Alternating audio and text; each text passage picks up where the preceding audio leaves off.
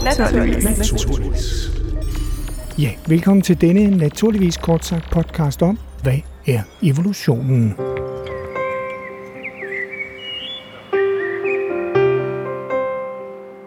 Det er den forandring, livet har gennemgået igennem jordens historie, og hvor vi ser, at levende organismer forandrer sig over tid.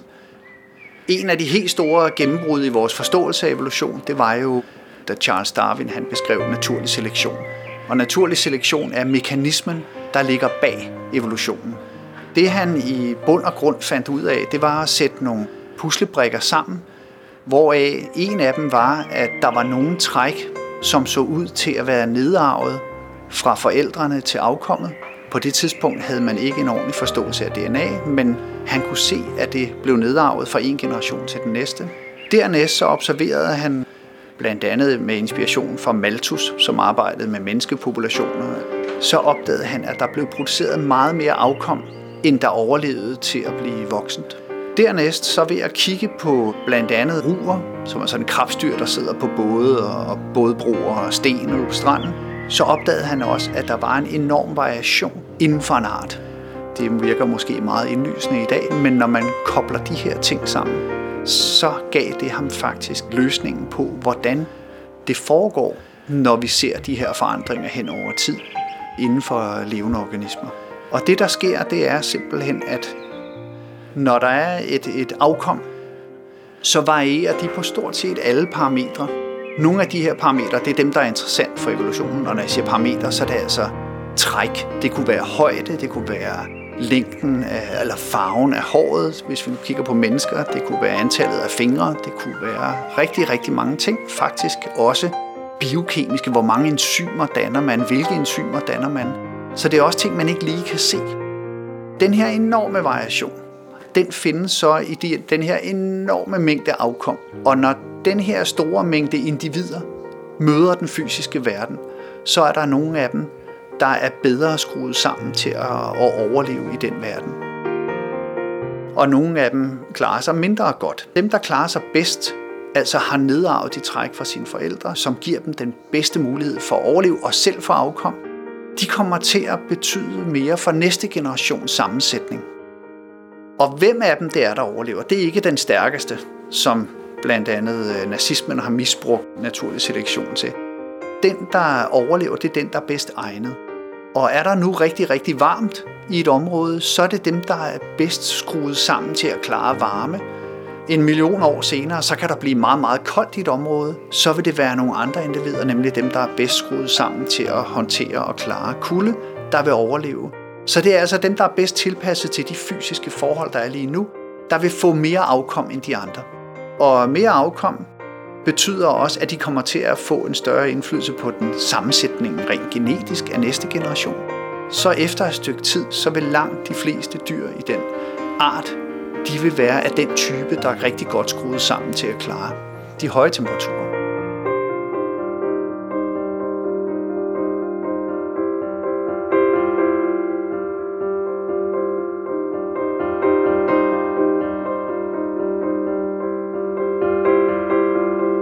Siden har det vist sig, som altid, at tingene er meget mere komplicerede end som så. Der er ikke nogen tvivl om mekanismen, der er ikke nogen tvivl om, der foregår evolution.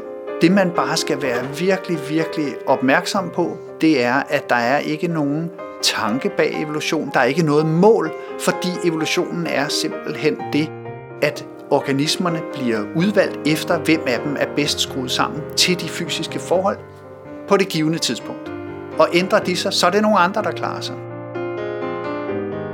Det er også vigtigt at bemærke, at i evolution, der skal man ikke være perfekt. Der skal man bare være god nok og lidt bedre end de andre. Ofte er det nogle få procent bedre end de andre.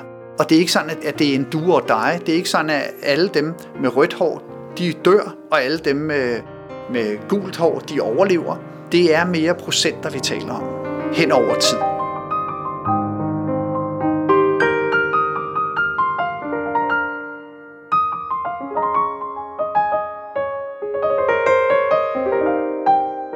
Det er meget, meget nemt at komme til at sige, og jeg gør det selv hele tiden også, at så tilpassede de her dyr sig den højere temperatur. Og det er jo ikke en god måde at udtrykke det på, for det lyder som om, at det er noget, dyrene gør aktivt, og det er noget, de gør med vilje, og der var ligesom en tanke med den måde, det udviklede sig på. Sådan er det ikke. Tværtimod, så det der foregår, det er simpelthen den her naturlige selektion. Det er, at når de fysiske forhold ændrer sig, så er det nogle andre individer, der er bedst egnet til at overleve, og derfor får flere afkom, og derfor præger de fremtidige generationer mere. Og lige meget hvor uperfekt man er skruet sammen, hvis man er den, der er bedst til det, så er det rigeligt. Så fortsætter ændringerne ikke. Så sker der ikke flere ændringer. Før der er nogle andre øh, mutationer, der opstår, som måske er lidt bedre egnet, og så vil den gruppe individer begyndt at blive dominerende. Altså et godt eksempel er jo vores øjne, den måde de er bygget op på. Det er faktisk ret interessant at sammenligne dem med ottearmede blæksprutters øjne, fordi vores øjne og blæksprutternes øjne er udviklet faktisk fuldstændig uafhængige af hinanden, fordi de stammer fra nogle snegle, muslinge-typer, og vi stammer jo fra nogle øh, pattedyr, som igen stammer fra sådan noget som søstjerner, jørter og søpindsvin. Det er ret interessant, men det, det gør vi altså. Men det er to vidt forskellige steder på stamtræet, og to vidt forskellige systemer af øjne, der udvikles. Men vores øjne og en ottearmet blækspruts øjne ser ud til at, at danne højkvalitetsbilleder, begge to. Hos os der er det sket via evolutionen med, at nogle lysfølsomme celler har udviklet sig, men fordi at det hele tiden har været, hvad skal vi sige, øh, det bedste, der var for hånden, der klarede den, fordi det var bedre end det, der var før. Så er det faktisk sådan, at lige nu, så, så passerer vores øh, synsindtryk gennem nogle blodbaner. Blodbanerne sidder ligesom i vejen for det. Så hvis man nu havde tænkt sig om, da man lavede det, hvis der var en plan, så havde man altså ikke gjort det sådan. Så havde man gjort det omvendt, sådan at de synsfølsomme celler lå på den anden side af blodårene, så synsindtrykket ikke skulle gennem det her net af blodår. Og hvis vi så går og kigger på de otte blæksprutter, så er det faktisk sådan, deres syn er skruet sammen. Så her har vi altså øh, to grupper af dyr, som har udviklet et meget højkvalitetssyn på to forskellige måder. Den ene er klart mere effektivt skruet sammen. Blæksprutterne er mere effektive end vores. Men det betyder ikke, at vores ikke er virkelig, virkelig godt og godt nok. Og det er det, det handler om. Der er aldrig en perfektionisme, der arbejdes mod. Der arbejdes mod, at det er godt nok til at være bedre, fordi alle dem, der er mindre gode, de taber kapløbet, om man så må sige. Lidt ligesom i fodbold. Det hold, der vinder, behøver ikke at være det bedste hold, der nogensinde har eksisteret. De skal bare være bedre end det andet hold i finalen. Så vinder de sådan set, ikke?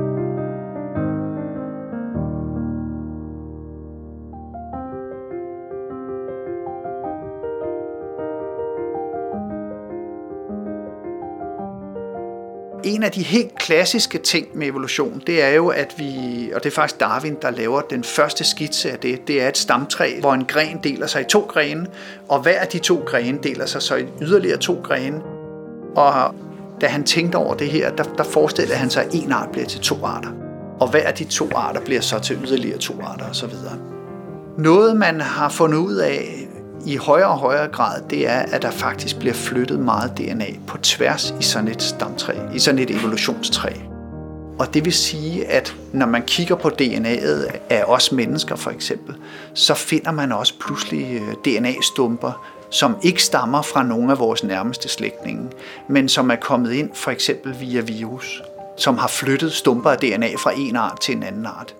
Der kan også hybridiseres nogle gange, kan, kan arter, som ikke er specielt tæt på hinanden i stamtræet, de kan faktisk godt få unger sammen stadigvæk og lave øh, hybrider. Så det, der er ved at blive mere og mere øh, synligt, det er, at der bliver altså også flyttet DNA på tværs i sådan et stamtræ, og det er faktisk, faktisk en kæmpe udfordring, når man prøver at bruge det her DNA til at beskrive, hvordan denne her deling af arter til andre arter, hvordan den er foregået, fordi det kortslutter jo lidt ligesom hele systemet.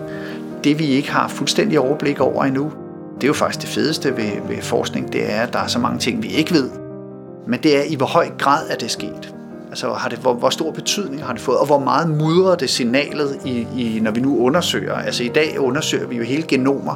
Det lyder som om, jeg er en meget gammel mand, men da jeg arbejdede med rensdyr for eksempel i slut 80'erne, starten af 90'erne, der var vi rigtig, rigtig glade, hvis vi kunne få måske 500 til 1000 basepar ud øh, og sammenligne fra det ene rensdyr til det andet rensdyr. Og hvis vi så ovenikøbet kunne få det fra nogle 7000 år gamle knogler fra Grønland, så var vi helt oppe og stødkoge. Men i dag, der er det hele genomer. Der er det 3 milliarder baser, vi sammenligner. Det giver så nogle andre udfordringer med computerkraft og sådan noget, og hvordan skal vi egentlig håndtere dem, hvordan er den rigtige måde at analysere dem på, men det er nogle helt andre datasæt, vi sidder og kigger på i dag. Men hvor meget forstyrrer det her med, at DNA'et nogle gange rejser fra en gren til en anden gren i, i livets træ? Det, det er faktisk noget af det rigtig spændende, der foregår lige for tiden. Men det er ikke løst.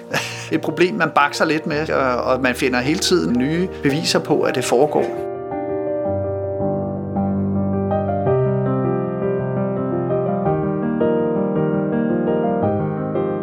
Det, jeg synes, at det er et godt eksempel på, det er, at hvis vi hopper tilbage til Charles Darwins tid, og helt op i 60'erne, 60'erne, 70'erne, så sad vi, og det gør vi jo et stadig, og kiggede meget på, hvordan så dyrene ud, rent morfologisk, som vi kalder Vi, vi talte simpelthen, hvor mange tænder har de, hvor mange børster er der på næsen, hvor mange tær har de, og hvordan er proportionerne i deres kranier og så videre. Og så målte vi, og det tænkte vi, at det kan vi bruge til at lave nogle analyser, og så rekonstruere det her livets træ, for det har været et mål igennem rigtig, rigtig mange år at prøve at beskrive det, så vi forstår, hvordan det hele hænger sammen. Når vi forstår, hvordan dyrene indbyrdes hænger sammen, så kan vi også bedre se, hvordan er evolutionen så foregået af de forskellige øh, træk. Det er sådan en wake-up call, fordi vi må så indrømme, at selvom vi oprindeligt troede, at morfologien ligesom kunne give os svaret. Nå, det var måske ikke helt nemt, fordi øh, der er naturlig selektion, som faktisk har indflydelse på, hvordan dyrene ser ud. Det er ikke kun deres øh, arvelighed. Nå, men så fandt vi faktisk ud af, at der lå det her DNA og DNA-sekvenser bagved. Så kiggede vi på det, og fik faktisk også en idé om, at nu var vi ved at have styr på det. Så fandt vi ud af, at det var meget små stykker DNA, vi kiggede på. Så fik vi meget større DNA-stykker, og et meget sikrere svar. Men ikke desto mindre, så må vi indrømme, at nu kan vi også godt se, at hver gang vi ligesom finder mere viden, så opdager vi også, at der er nogle ting, vi ikke vidste noget om, og som også har indflydelse på vores forståelse af det. Så vi kommer hele tiden nærmere. Det er ikke fordi, jeg prøver ikke at sige, at vi ingenting finder ud af, eller, eller vi bliver dummere og dummere. Men tværtimod, så forstår vi det bedre og bedre, men vi opdager hele tiden nuancer og, og vinkler, som vi ikke ved noget om. Og alt sammen er med til at give os en bedre forståelse af den verden, der lever omkring os. Det er jo faktisk hele den grundlæggende idé med at lave både grundforskning og meget andet forskning, det er at forstå den verden, der er omkring os. Og det gør vi gennem forskning.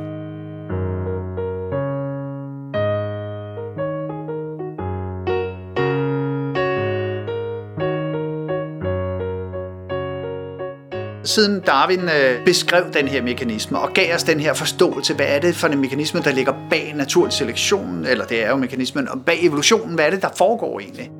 Så har vi fundet flere og flere nuancer og, og særtilfælde, men alle sammen nogen, der gør vores viden skarpere og bedre til at forstå, hvordan den her evolution er foregået. Og en gang imellem, så møder jeg jo som evolutionsbiolog også det her med, at der måske har været en plan med det hele, og der er et design, intelligent design, der ligger bag, fordi hvordan kunne det ellers ende så fantastisk, som det er? Øh, der vil jeg bare sige, at det, i min verden er det slet ikke øh, interessant. Der er ingen tvivl om, at naturlig selektion og evolution er foregået. Vi er ved at forstå detaljerne og vinklerne i, hvordan det er foregået, men det har foregået.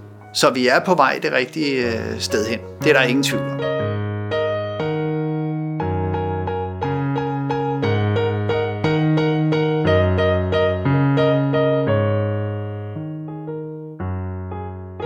Fleste i verden på det tidspunkt, da Darwin han udgiver sin bog, havde en idé om, at det var Guds skaberværk, vi kiggede på, og det var selvfølgelig perfekt.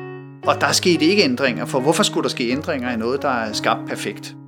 Eksempler blev, at man pakkede øh, et par tusind år gamle ibiser ud nede i Ægypten, mumier. Sammenlignet med de øh, ibiser, der findes på det tidspunkt, så sagde der beviset, de har ikke ændret sig en tødel, så ergo sker der ikke noget som helst. Den her øh, mekanisme, den er så grundlæggende, og vi har så mange data, der viser, at det er sådan, livet udvikler sig. Det er faktisk sådan, at når NASA de har beskrevet, hvordan skal vi genkende liv, hvis vi nogensinde finder det ude i rummet, så er de øh, der, hvor de har sagt, at det er øh, systemer, hvor der findes naturlig selektion. Det er så grundlæggende. Det er det nærmeste, man kommer en naturlov i biologien, at det er sådan, at liv fungerer. Og det er fordi, det er simpelthen det samspillet mellem, mellem et levende organisme, meget afkom, variation, og så nogle fysiske forhold, der engang mellem ændrer sig, og der bliver produceret mere afkom, end der kan overleve.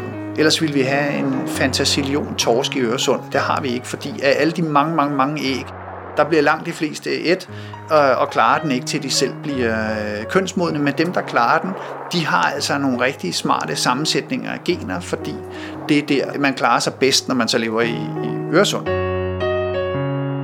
Hvis man lever oven i Foundland, så er det måske en anden måde, man skal være skruet sammen på, og det er nogle andre torsk. Lidt anderledes, det er stadigvæk samme art, men genetisk er de skruet en lille smule anderledes sammen. Så på den måde, så kan man sige, at, at naturlig selektion og evolution, det, det er kommet for at blive, og der er ikke nogen diskussion om, at det foregår, men vi, der er masser af små detaljer, vi stadigvæk undersøger og prøver at forstå.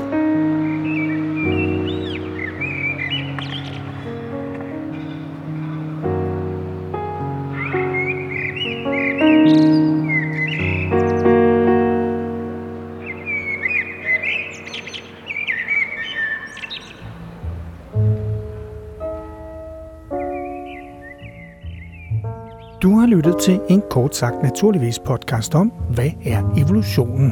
Det var Peter Gravlund Nielsen, der fortalte, og han er biolog og har en Ph.D. i evolutionsbiologi, hvor jeg forskede i slangers og rensdyrenes evolutionshistorie med hjælp af DNA-sekvenser.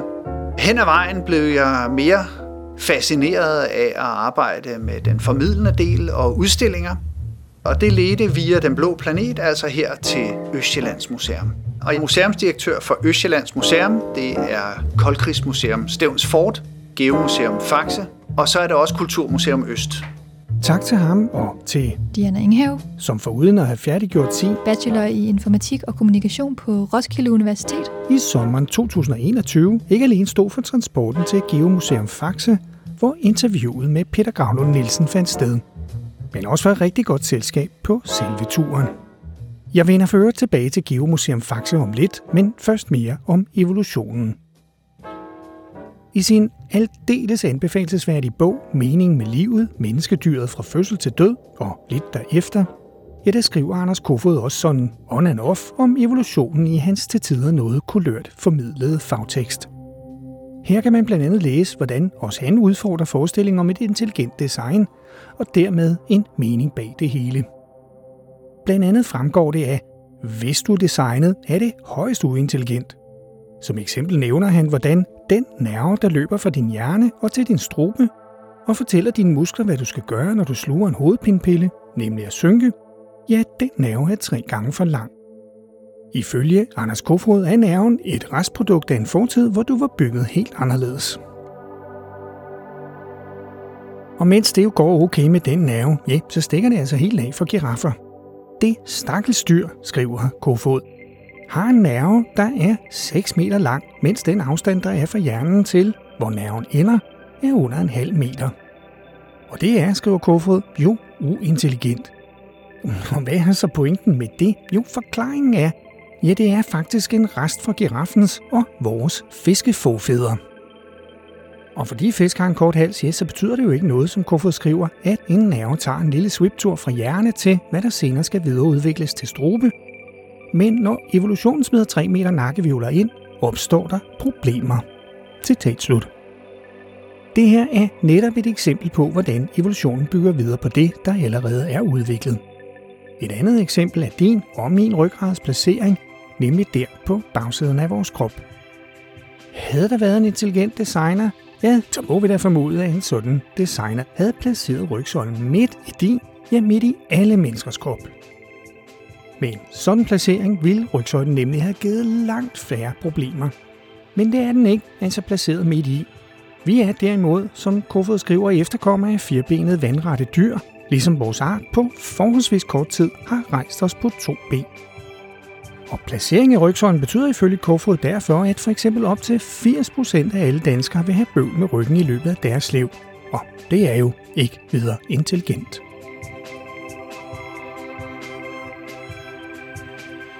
By the way, så kommer der på et senere tidspunkt netop en podcast om giraffer, som er et super spændende dyr. Her er det jo meget tydeligt, altså med den der lange hals, at naturlig selektion har fundet sted det vil sige evolution. Eller alt efter hvornår du lytter til den her podcast, ja, så kan den om giraffen faktisk allerede være ude nu. Og så kan du bare høre den der, hvor du også lytter til den her podcast.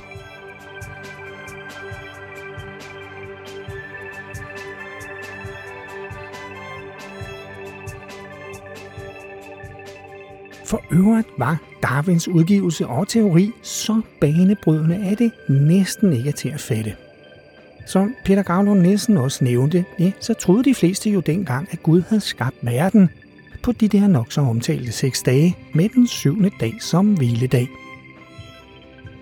Og da Guds plan er ufejlbarlig, ja, så mødte Darwins evolutionsteori, egentlig meget indlysende, enorm modstand da det jo var de fleste menneskers hele verdensforståelse, der her blev udfordret. Hvorvidt en Gud står bag det hele, er jo i sidste ende et spørgsmål om tro. Men det gælder til gengæld ikke for evolution. For her, længe efter udgivelsen af Arternes oprindelse, den udkom den 24. november 1859 og siden på dansk 1872, ja, så er der ikke mere nogen tvivl om, at der finder evolution sted. Den teori er nemlig forsøgt falsificeret så mange gange, uden at det nogensinde er lykkedes.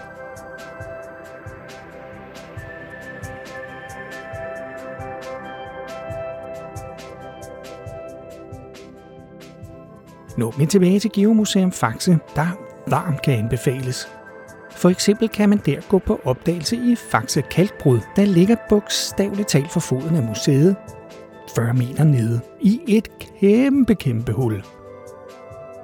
Da vi var der, ja, der kom vi forbi en familie, der efter bare lidt tid allerede havde fundet flere fossiler. Der står simpelthen nogen her og hammer løs med, ja, en hammer. En hammer og en mejsel. en hammer og en mejsel, ja. og leder efter ej, det kan være, at vi lige kan prøve at høre dem. Hej, hvad, hvad, hvad, hvad har I fundet? Vi har bare lige begyndt for en halv time tid siden, tror jeg. Har vi lidt på måfå. Vi har... aner ikke, hvad vi leder efter. Men I har allerede fundet noget spændende? Vi har, vi har fundet noget, vi kan se, der, der ligner et eller andet. Men, men hvad det er, det, det ved vi ikke endnu. Det kan være, at direktøren for det hele her kan se det. Vi har fundet en masse forskellige arter af forstenede koraller. Mm-hmm. Og så har I fundet den der lille fyr, og det er en brachiopod, så vi kan se. Den mm-hmm. minder lidt om en musling. Det der ligner der også et eller andet Og det her er fra den største koral, der var hernede. Så det er også, den er ret flot, den her. Og det er sådan et... Øh det er en søpindsvinepik eller sådan noget? Nej, det er også stadigvæk ja. øh, noget koral.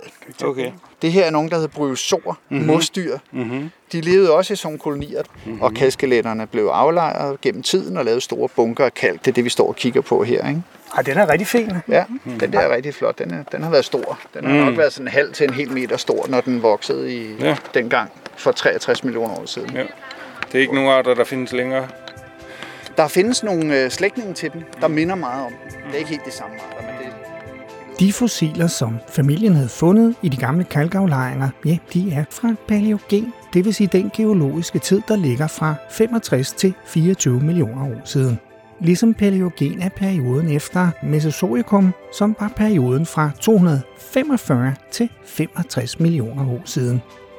Og det er i overgangen mellem disse to perioder, at dinosaurerne endte med at blive udryddet blandt andet på grund af en kæmpe meteor, som med en hastighed på et sted mellem 10 og 70 km i sekundet smadrede ned tæt på der, hvor Yucatan-halvøen ligger i dag. Nedslagskrateret er på ca. 100 km i diameter, og ifølge den mest udbredte teori var nedslaget med til at ændre jordens klima så drastisk, at mange dyrearter, blandt andet dinosaurerne, uddøde, og dermed banede vejen for pattedyrene.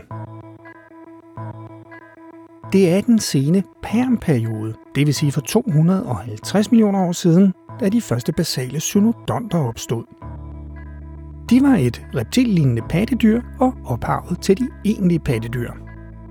Men det er altså først i den meget senere paleogenperiode, og efter dinosaurerne uddøde der for ca. 65 millioner år siden, at pattedyrene fik sin chance for at blive en af de dominerende arter på kloden – og vi skal altså helt frem til for bare cirka 200.000 år siden, at menneskedyret opstod, altså Homo sapiens.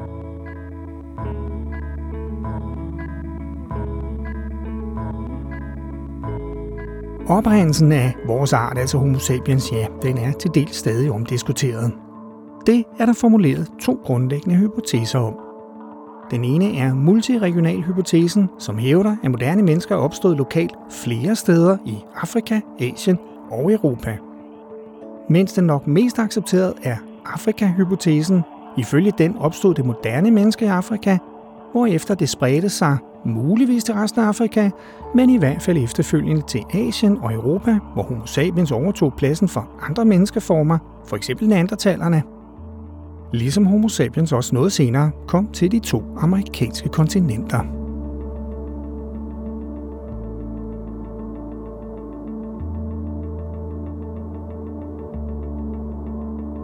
Nå, men ellers er der blot dels tilbage at sige, at musikken i podcasten er med Gotama, med henholdsvis Night Impro number 1 og Moving Silence, Lobo Loco, med Frøhlingserwachen, Frøhlingserwachen, ja, sådan tror jeg det udtales.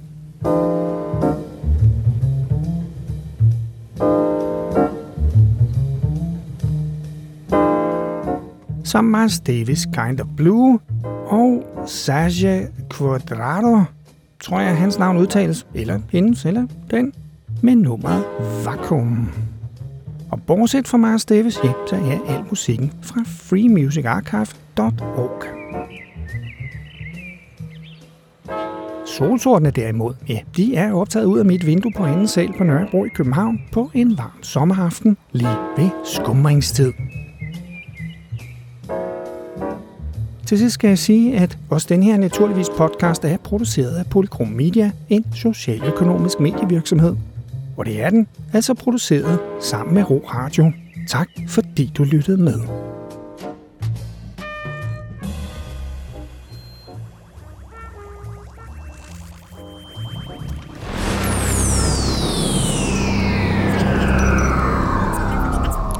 Naturligvis. Naturligvis. Og det er jo noget af det, vi vil undersøge. Ja, lige netop.